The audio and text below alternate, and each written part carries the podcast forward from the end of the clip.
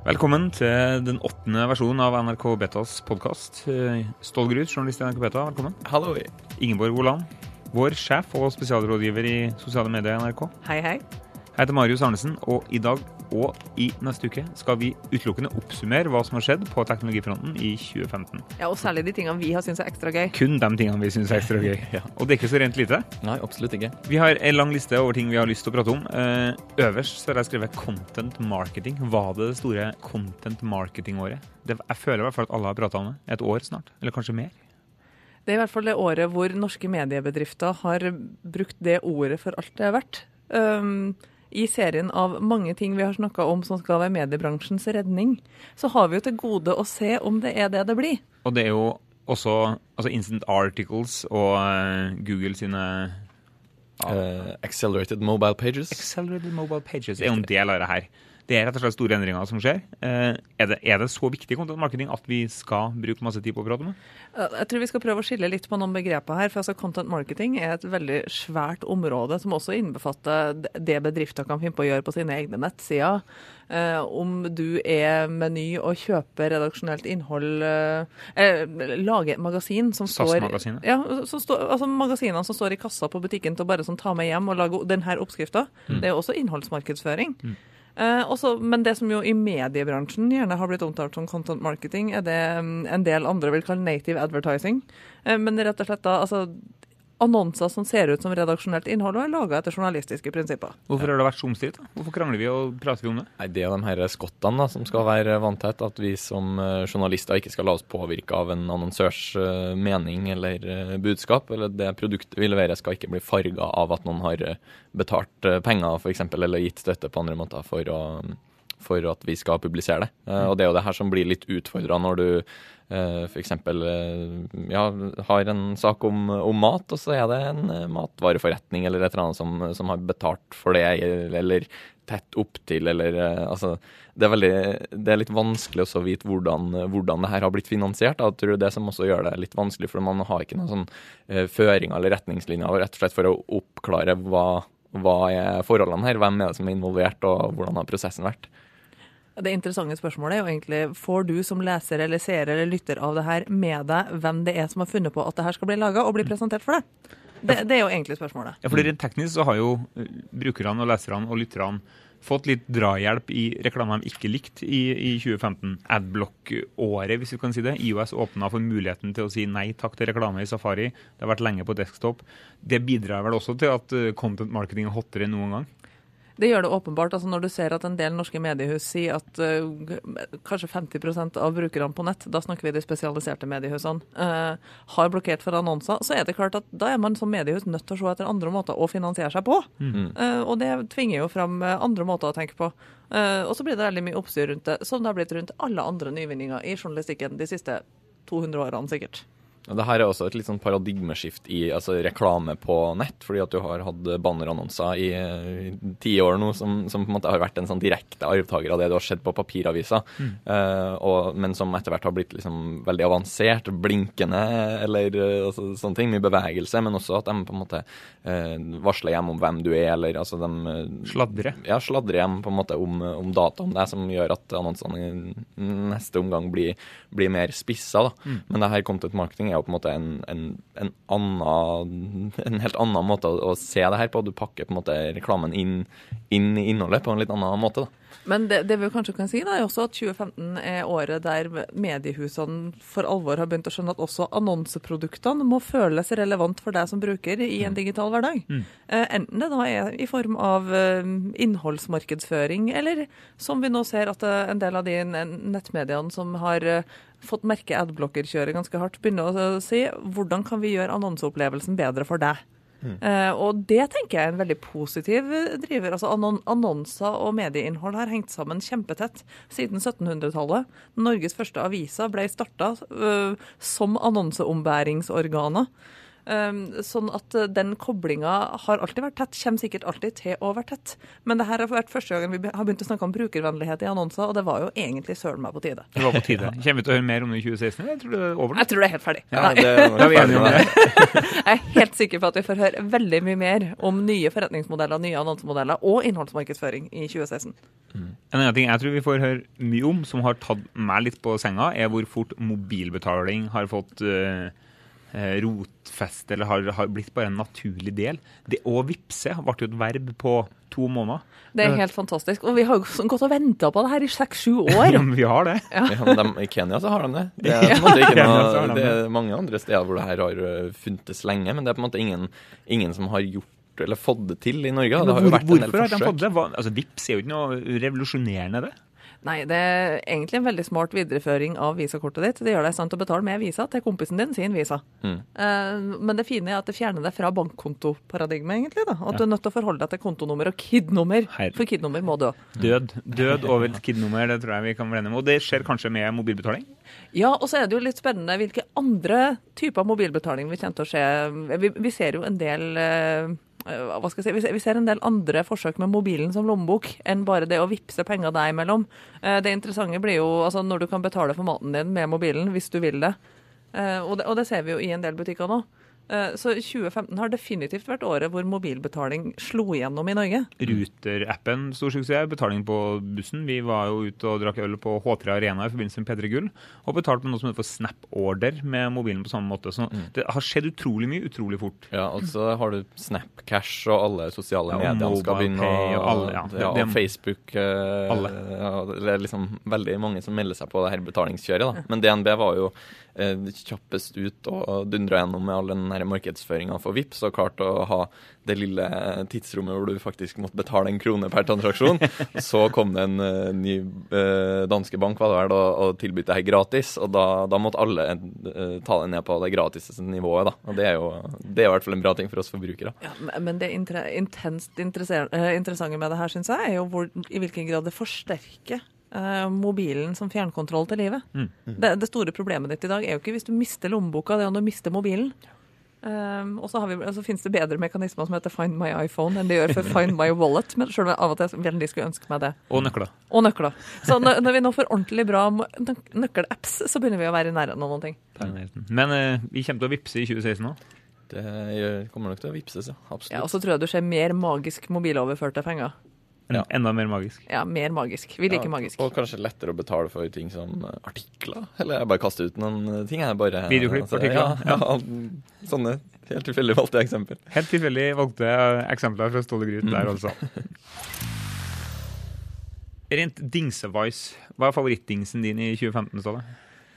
Favorittdingsen min, det, det lurer jeg faktisk på om er den herre ja, Enten så er det den lille drona her som jeg holder i hånda. Jeg sitter med en liten plastikkdrone i hånda som jeg ikke kan å fly, egentlig. Ja, jeg driver og øver meg fortsatt. Men uh, designmessig så er kanskje den fjernkontrollen til Apple TV som jeg syns er ganske uh, Ja, og hele Apple. TV-pakka i seg sjøl var ganske lekker. Og er den så skummel som, som vi tror? Altså, er det en sånn game changer? Er, det, er vi nå kommet til å bli 2016 den cable cut-året vi har gått og venta på?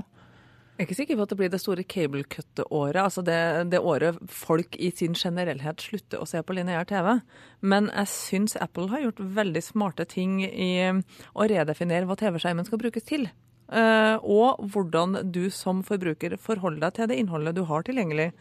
Enten gjennom TV-en din eller gjennom mobilen din. For jeg syns fjernkontrollen til nye Apple TV er kjempeinteressant. Jeg syns også de utviklingene som skjer på Siri som virtuell assistent er helt fantastisk. Eh, Så, så det er egentlig to sider i det her. Hva bruker vi den store skjermen i stua til? Og hva, hvordan styrer vi dingsene som omgir oss? Det, og begge de to tingene her har jeg lyst til at vi skal snakke litt om, kjenner. Men, men vi sitter her også, i hvert fall to av oss med Du sitter med en liten drone, Ståle, mens meg og Ingeborg sitter med Apple Watch. Ble det den klokka du håpa på?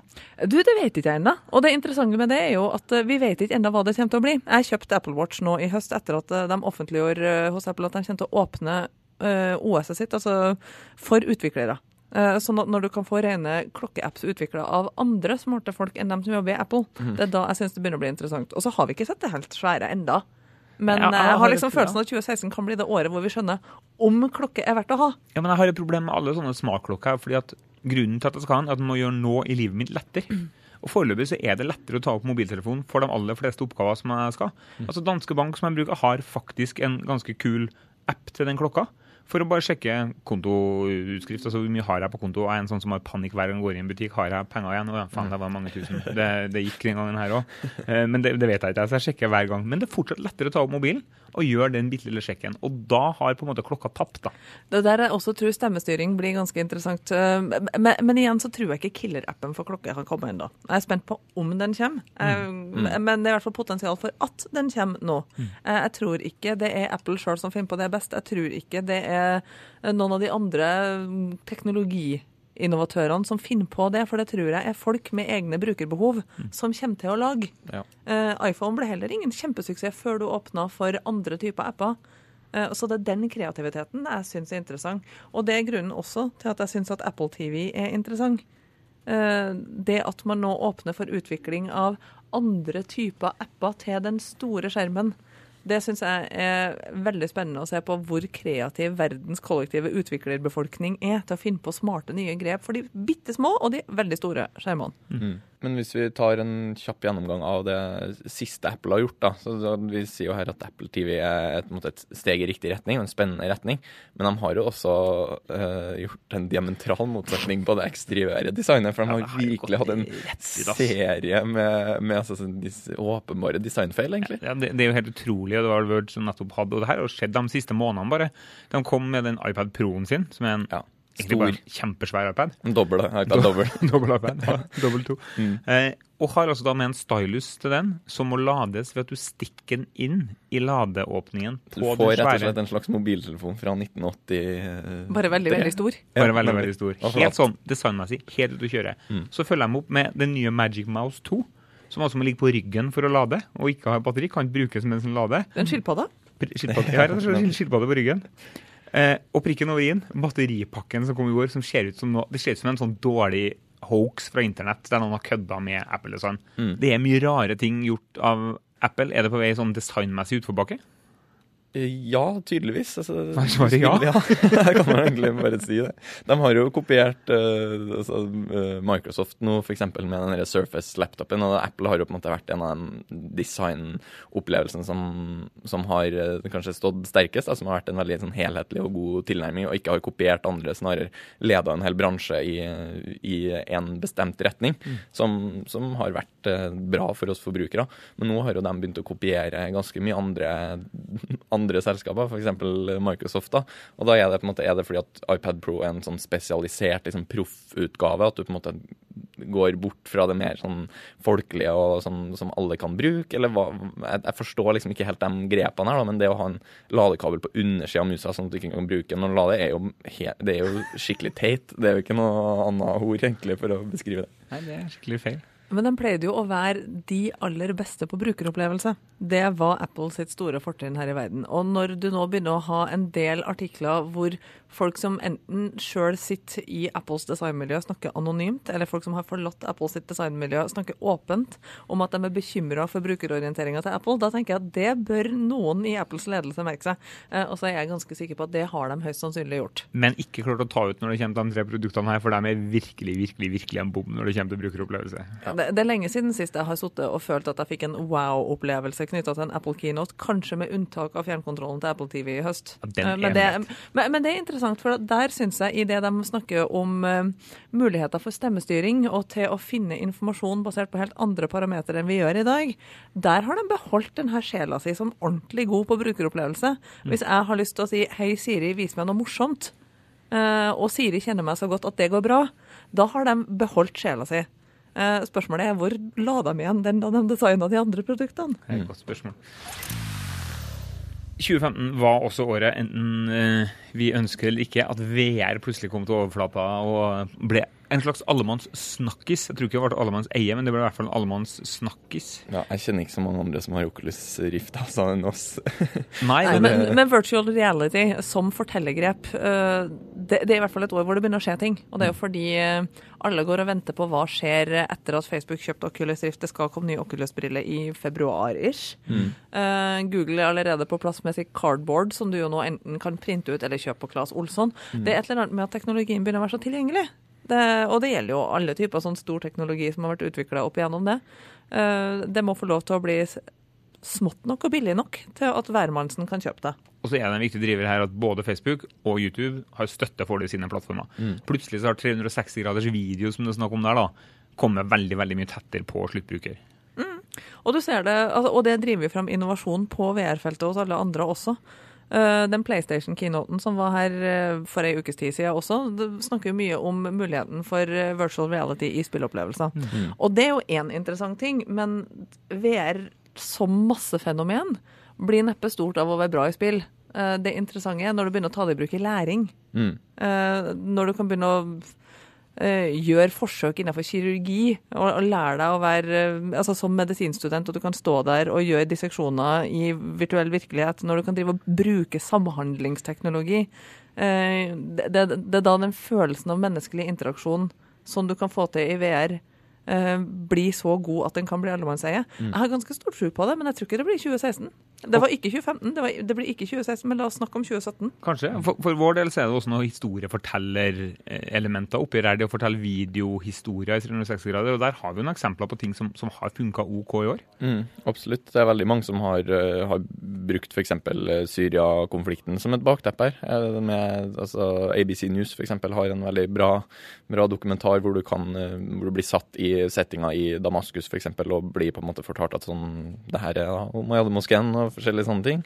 New York Times har jo satsa ganske eh, hardt på VR. De distribuerte jo den her eh, Google Cardboard-brillen til Papp, alle Pappebriller til alle papirlesere. ja, riktig. Det er Eh, morsomt. Ja, det, det er ganske gøy, det. Men det, det gjør jo at eller teknologien blir tilgjengelig for flere. Og nå har de også satsa med å lage innhold til den her boksen. De har vært i Paris, de har laga flere dokumentarer og sånne ting. Så det, det er på en måte spennende at det er noen som pusher også innholdet og, og historiefortellinga videre. Da. Ja, og og jeg syns det der er litt interessant, òg, for det er et eller annet som tyder på at mentaliteten til folk begynner å være i nærheten. Igjen fordi du kan koble det til mobiltelefonen. For Jeg snakka med han innovasjonsredaktøren til New York Times, Tyson Evans. Han var her hos NRK for noen uh, uker siden. Og han fortalte at uh, den VR-appen til New York Times er den hurtigst nedlasta i stort volum New York Times noen gang har lansert. Altså Av alle appene New York Times noen gang har lansert, så har den fått den høyeste nedlastingsraten på kortest mulig tid. Er det, for, er, det, er det fordi folk vil ha VR, eller fordi det er noe nytt og spennende? tror du? Sannsynligvis fordi det er noe nytt og spennende, men det gjelder vel all ny teknologi. Hvis ikke vi som da produserer innhold for det, gir meningsfulle opplevelser som du får lyst til å gjenta, så kan vi jo glemme det. Mm. Det finnes de veldig også- mye lagt i skuffa rundt omkring. Ja, De er også tidlig ute i feltet. her da. Nå har du på en måte Briller er ganske tilgjengelig, men, eh, men det er ikke så mange som produserer innhold. Så da er det på en måte, nå er det på en måte lett å, å skaffe markedsandeler og skaffe seg en posisjon som på en måte VR-huset. og Det har jo åpenbart New York Times gått ganske hardt eh, for å få til. Jeg har også lyst til å skryte av Norske Tekniske Ukeblad oppi det her. Ja, fordi de har gjort veldig nyskapende arbeid rundt VR i hvert fall et halvt år, nærmere et år, tenker jeg. Mm. Eh, Så innenfor de teknologitunge eh, bransjene, så er det her sannsynligvis mer modent enn det er i sånn type massemediemarkedet. Mm.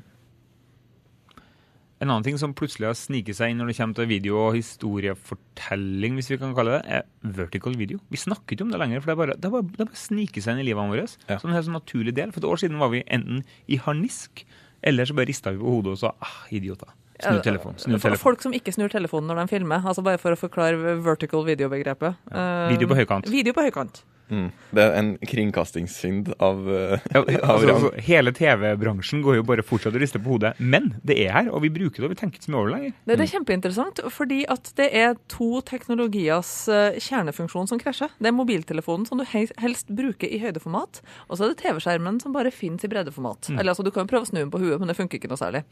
Uh, og, og det der tenker jeg blir ganske fascinerende som fortellerteknisk det neste året. Instagram var vanskelig nok med kvadratiske bilder.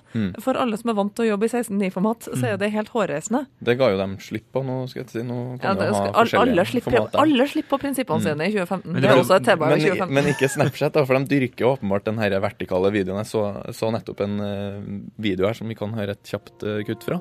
you never turn it sideways. So we don't want to break that natural rhythm. Og her sier de jo på en måte at uh, vertikal video er, det er rett og slett framtida. Og måten at man kan man pakke inn innholdet på en litt annen måte. Man setter to videoklipp over hverandre i stedet for å ha to ved siden av hverandre. Og du skaper en litt sånn dynamisk handling. Jeg syns jo de eksperimentene jeg har sett Snapchat gjøre gjør med det her, før de la ned sin egen videoproduksjonsenhet, det var ganske spennende og kult. Og Facebook sier jo også det. Det er ingen som snur på mobilen for å se på video. Mm, nemlig. Vi er lat. Vi er så late at vi ikke gidder å snu mobilene våre. Men det som er interessant, er jo at Periscope, den livestream-appen, den, eh, mm, den, fikk jo en oppdatering for litt siden, og da støtter de eh, landskapsfilming da, på, mm. på gode, gamle måten. Den tar hensyn til hvilken vei du holder telefonen. Men det er sånn at folk flest driter litt i hvilken retning video er. Man ser det høykant hvis det er høykant, og så snur man det hvis man er interessert nok. Hvis ikke så ser man det på høykant òg, og så er det vi i mediebransjen som fortsatt sitter og rister på hodet og lurer på når folk skal ta til vettet. Ja, det er jo kanskje fordi vi definerer fortsatt vår egen virkelighet basert på TV-formatet, mm. Eh, eller kinofilmformatet. For mm. alle som skaper eh, Alle som er oppdratt til å skape TV- og filmopplevelser, er oppdratt til å tenke vannrett. Og det er jo sånn som øyet fungerer også. Det. Så, så, på en måte Fortsatt så ser folk vertikal video. Ja. Fryktelig, fryktelig greier. Men snart ja, men det blir 360 grader. Men det begynner å være en interessant historiefortelling i høyde. Og det syns jeg er litt gøy, fordi at alle sånne her tekniske, alle sånne her tekniske nyvinninger preger fortellerformene. Mm. Det, det, det, blir veldig spennende å se hva slags videofortellinger vi får i høydeformat. Det har vært en, om ikke en krig, så i alle fall en ganske stor klinsj i 2015, som du har vært veldig opptatt av, Ingeborg. Mediebransjen versus Zoom-bransjen, round one. Eh, ja, og egentlig er det mange kriger i én. Uh, la oss begynne med det norske.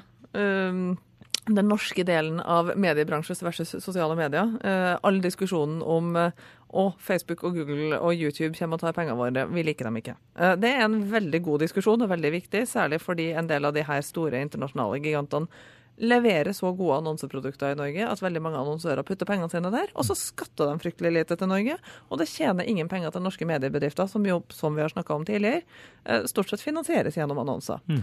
Eh, så det er en eh, La oss karakterisere det som en ganske sterk mistro mellom den tradisjonelle mediebransjen og de sosiale mediene. Men den krigen som kanskje er mest interessant, og hvor mediebransjen ikke helt har skjønt at vi bare er sånn små bønder på sjakkbrettet som flyttes rundt omkring, er jo den krigen som foregår mellom sosiale mediegigantene med Facebook og Instagram på den ene sida, Facebook er jo Instagram, og Google-YouTube på den andre. Mm. Og det er den krigen jeg egentlig syns preger oss alle om dagen. Ja, hvordan gjør den det? Um, du kan si at det er en krig som foregår på veldig mange fronter. Uh, først og fremst så handler den jo selvfølgelig om penger. De vil ha mest mulig penger. Da må du ha mest mulig brukere. For å ha mest mulig brukere så må du ha best mulig brukeropplevelser. Uh, og du må ha det beste innholdet. Og der har vi liksom oppsummert krigen i fire faktorer veldig kjapt.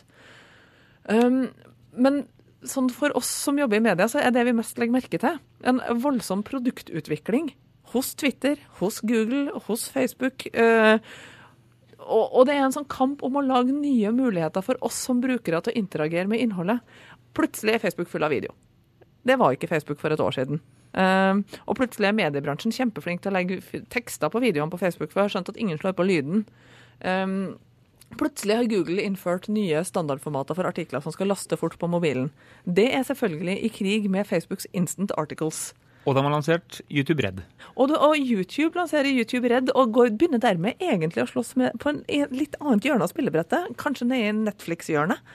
Uh, så, så, det skjer noen sånne store maktforskyvninger, eller i hvert fall noen sånn type forpostfektninger, om vi skal si det sånn, mm. om verdensherredømme i sosiale medieverden. Mm. Uh, og så går vi rundt i den norske mediebransjen, og i den amerikanske mediebransjen og den europeiske mediebransjen, uh, og er veldig sure for den delen av det som påvirker oss. Uh, og så er vi fortsatt ikke helt sikre på hvor, hvor, mye kan vi påvirke det. Kan vi velge å forholde oss nøytrale i denne krigen? Uh, kan vi gå inn og være en aktiv part og påvirke spillebrettet? Den der bataljen kommer opp stort i 2016, tror jeg veldig mange store strategiske avveininger man, man er nødt til å gjøre. Da. Ja, det, og det er store, vanskelige spørsmål. Det er ingen som prøver å påstå A at det er lett, eller B at vi har svarene. Er det riktig for norske mediehus å gå inn og si nå gir vi innholdet vårt til Facebook fordi at du bruker det der uansett? Eller er det riktig for norske mediehus å si nei, vi, vi stoler ikke helt på Google, så vi holder oss unna YouTube? Mm. Um, det der er vanskelige spørsmål. Ingen har løst dem. Store spørsmål med masse penger i sving. Voldsomme summer med penger. Det blir 2016-mat. Jeg trodde vi var ferdig med det. Vi ikke, Nei. Sosiale medier er aldri ferdig, Marius. Sa Ingeborg Aaland, som er spesialrådgiver for sosiale medier i NRK.